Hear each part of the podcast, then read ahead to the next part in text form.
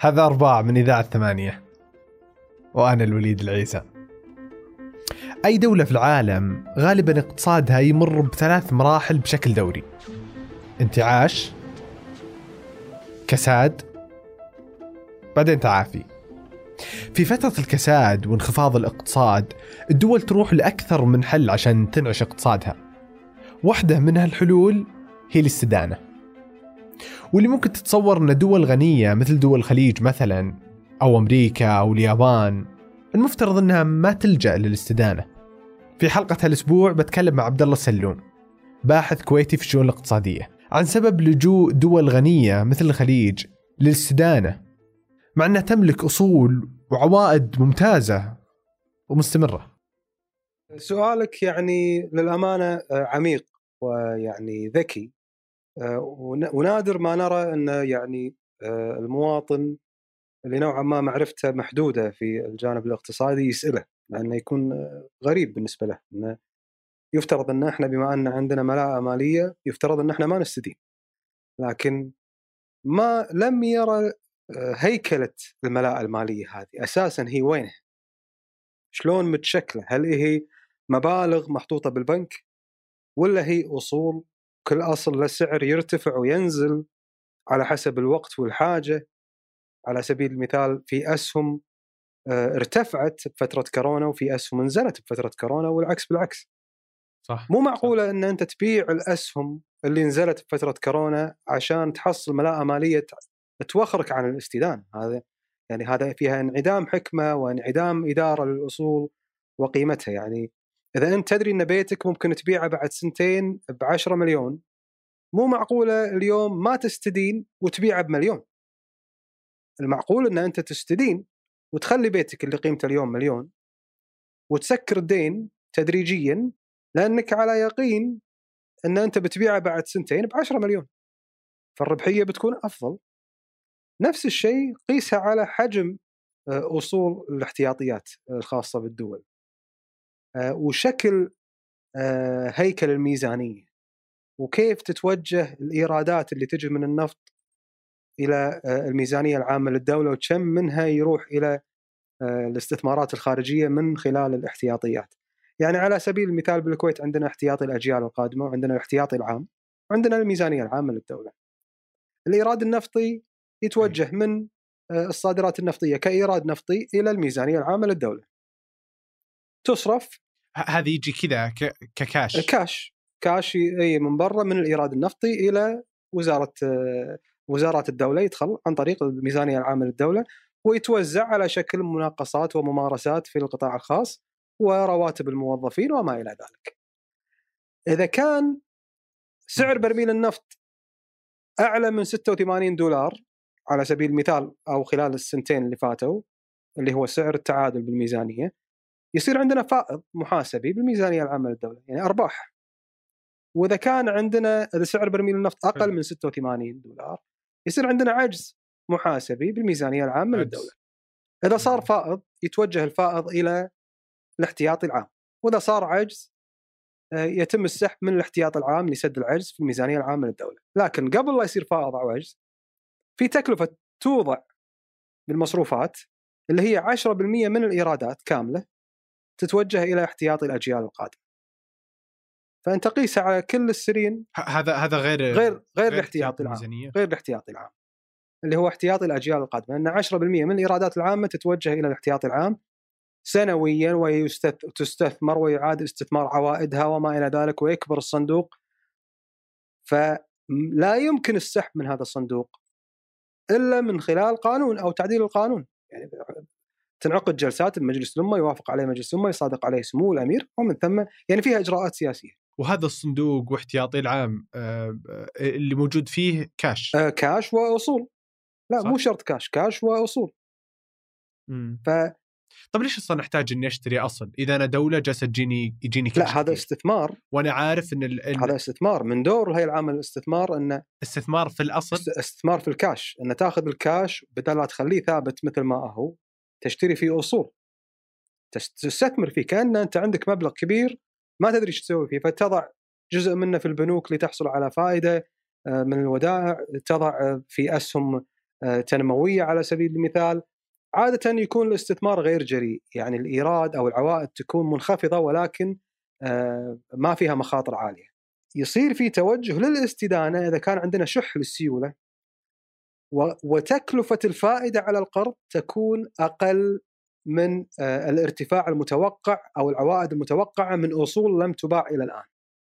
لكن قيسها على ممتاز. على حجم ممتاز. أكبر يعني لما تنظر لها من من منظور أعمق وأوسع وأشمل آه، راح تتضح الرؤية وتفهم ليش الناس تتوجه للاستدانة في حال كان عندها ملاءة مالية غير مسيلة إلى الآن. عادة تكون يعني تكون الاستدانة حينما تكون الملاءه الماليه غير مسيلة. لكن إذا إذا السيولة موجودة لا عاده تسحب السيولة آه، لأنها أقل تكلفة من آه، الاقتراض. أو عالية مقارنة بتكلفة الدين، أما إذا كان العكس لا نتوجه إلى الصرف من المبالغ اللي موجودة عندنا. ولكن أيضا يعني نضع في عين الاعتبار أن إحنا محتاجين المبلغ هذا سواء بالاقتراض أو من تسيير الأصول أو من آه، استنفاذ السيولة اللي موجودة بالجهة اللي إحنا بنوجه لها هذه المبالغ. يعني ما يصير تقول لي والله أنا بستدين عشان أسكر رواتب. طيب أنت لما تسكر الرواتب هل في إنتاجية مستقبلية آه، ترتفع بمعدل أعلى من معدل ارتفاع الفائدة على القرض؟ إذا كان نعم دربك يعني إني أنا أعطيت راتب فعشان تشتغل الدولة أنا ما عندي فلوس شلون بعطيهم؟ مو هذه هذه مشكلة كبيرة إحنا الحين بنتكلم عن مشكلة النموذج الاقتصادي للدولة. في دول خليجية تتوجه إلى الاستدانة للاستثمار. وفي دول خليجية للأسف تتوجه إلى الاستدانة لسد العجوزات أو سد الرواتب. طيب هل يعني وضعت أي آه، أو أي حل أو آلية لإصلاح نموذج اقتصاد الدولة اللي هو معتمد على النفط؟ يعني هل يعقل أن أنت تتوجه إلى الاستدانة متى ما انخفض سعر برميل النفط؟ هل هذا منطق؟ هذا السؤال.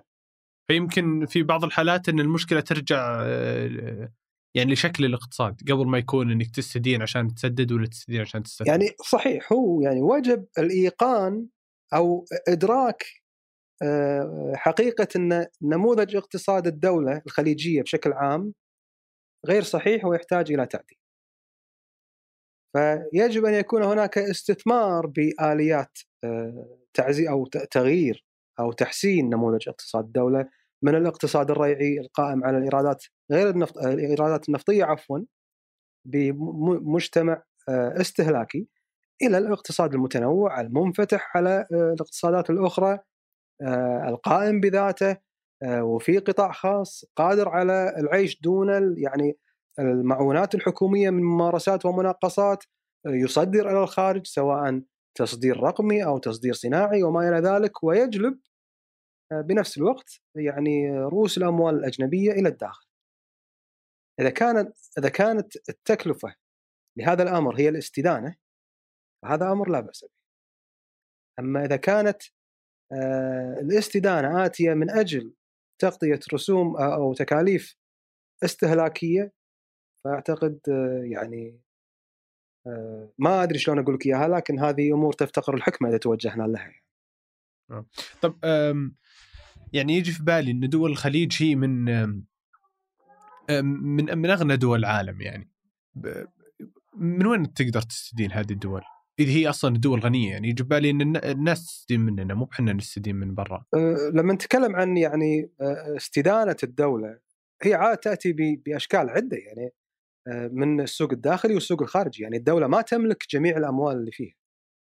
يعني الحكومة لا تملك جميع الأموال اللي موجودة داخل الدولة، الحكومة تملك ما في ميزانيتها فقط.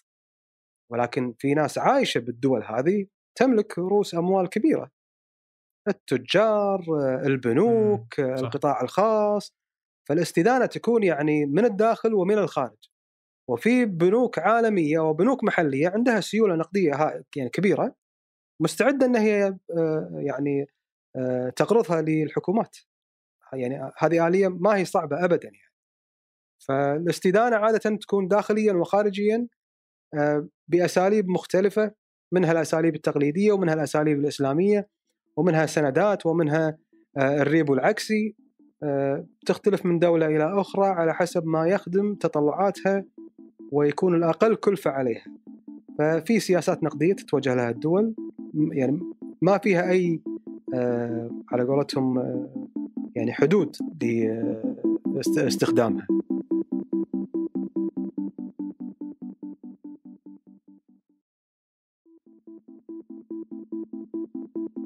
طب آه، وش ال- الآثار السلبية للاستدانة على ال- يعني على الحكومة والدولة وعلى ال- الفرد مباشرة؟ وش ممكن تصير؟ ما تنزل إلى الفرد. إذا كانت الاستدانة على مستوى الحكومات قد قد تنتقل إلى آه، خفض قيمة العملة بشكل أو بآخر في حال تعثرت الدولة لسد آه، التزاماتها المالية أو السحب من الاحت... تتاثر العملة لأنهم هم هم ينزلون قيمتها عشان يسددون عشان يسدد ولا عشان تتأثر يسدد عشان؟ يسددون أو عشان الرواتب تكون كلفتها أقل على الدولة فتقدر إنها تسد الدين آه، المتبقي هذا يعني هذه خطوة صعبة جدا إنها تحصل ولكن هي تود يعني توديك إلى هذا ال- المنحنى حال يعني في حال اقترضت مبلغ و... وانت منت متأكد إن أنت قادر إن تحقق القيمة ال- الاقتصادية الحقيقية من هذا الاقتراض. فإذا اقترضت بدون برنامج حكومي قادر على تغيير نموذج اقتصاد الدولة، اقتراضك هذا يعتبر مو صحيح أو مو صحي اقتصاديا. ممكن تشرح لي هذه سالفة إنه كيف إني ممكن العملة تتأثر في الاستدانة وفي غير الاستدانة إني أنزلها عشان آه، أقدر أسدد الأمور اللي علي. قصدي إنه هو مو زر تضغطه وتصير عملتك قيمتها كذا أو قيمتها كذا. بلى بال- بالخليج هو زر تضغطه صح. عجيب. شلون؟ يعني بالخليج آه، العملات عندنا ما هي عملات آه، عائمة. هي عملات يعني مقترنة بعملات أخرى. في السعودية على سبيل المثال في سعر تبادل للريال والدولار. إن الدولار يساوي صح. 3.75 هللة. الكويت الكويت سلت عملاتها الكويت سلت. عملات ولكن أوزان العملات فيها ما هو معروف لأنه يتغير بشكل مستمر للحفاظ على قيمة الدينار. يعني في حال انخفض سعر الدولار آه، نرفع آه، وزن عملة لم تتأثر بانخفاض سعر الدولار عشان نحافظ على قيمة الدينار يعني بأكبر شكل ممكن.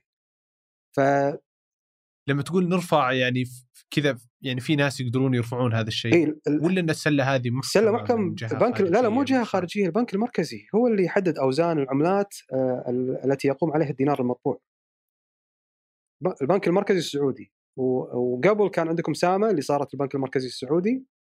آه، هي اللي تتحكم آه، صح. بقيمة الريال مقابل الدولار. فإذا كان إذا يبون إن الريال ينزل قيمته مقابل الدولار إما انه يطبع ريال زيادة على نفس المخزون من الدولار أو يخفض المخزون من الدولار على نفس المطبوع من من الريال. آه، فهي زر.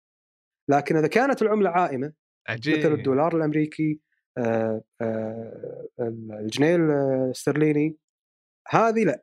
هذه لأن عائمة قصدك إن العرض والطلب هو اللي يحدد العرض الطلب هو يحددها فهو يضطر إنه يستخدم سياسات نقدية مثل رفع الفائدة من البنك المركزي. لما يرفع الفائدة معناته يسحب الكاش اللي موجود بالسوق. فالطلب يتم ثابت على سبيل المثال لكن العرض يقل لأنه سحب من السوق فيعزز قيمته أو يخفض الفائدة لخفض قيمته على سبيل المثال. آه، وسياسات مالية أخرى بعد. آه، لكن بالخليج لا إحنا بعقد واحد يتوقع أو قرار واحد يتوقع آه، تتعدل الأمور أو تزيد. فهم ممكن يخفضون العملة لأن النفط ينباع بالدولار الأمريكي فإذا الدينار نزل مقابل الدولار معناته إن إحنا نقدر نغطي تكاليفنا داخل الدولة بأريحية أكثر لأن زادت يعني الإيرادات بالدينار ولكن هي ثابتة بالدولار. بس خارجيا قيمتك طبعاً. قلت. طبعا قيمتنا قلت لكن هو الالتزام عادة بالفلوس فقصدي إنه بيصير في هذا الأثر. بيصير يعني inflation مثلا إنك أنت عندك yes بيصير آه. عندك inflation تضخم تضخم. تضخم. لكن تضخم على السلع المستوردة. فدائما خفض قيمة العملة قد لا يكون جيد في الدول المستهلكة من الخارج. ولكن ممكن إنه يكون جيد للدول المصدرة للخارج. على سبيل المثال آه، يعني الدول الصناعية الصين على سبيل المثال اللي يخفضون عملتها ما يضرها لأن كل شيء من داخل. فكأنها جالسة تزيد فلوسها من, من. داخل إي يعني آه، العصير ينباع بنفس السعر آه، اللحم ينباع بنفس السعر ما في شيء تجيبه من برا عشان تحس بفرق قيمة العملة. ولكن الدول اللي كانت تشتري من الصين راح تقدر تشتري أكثر لأن كل شيء صار أرخص بالنسبة لها.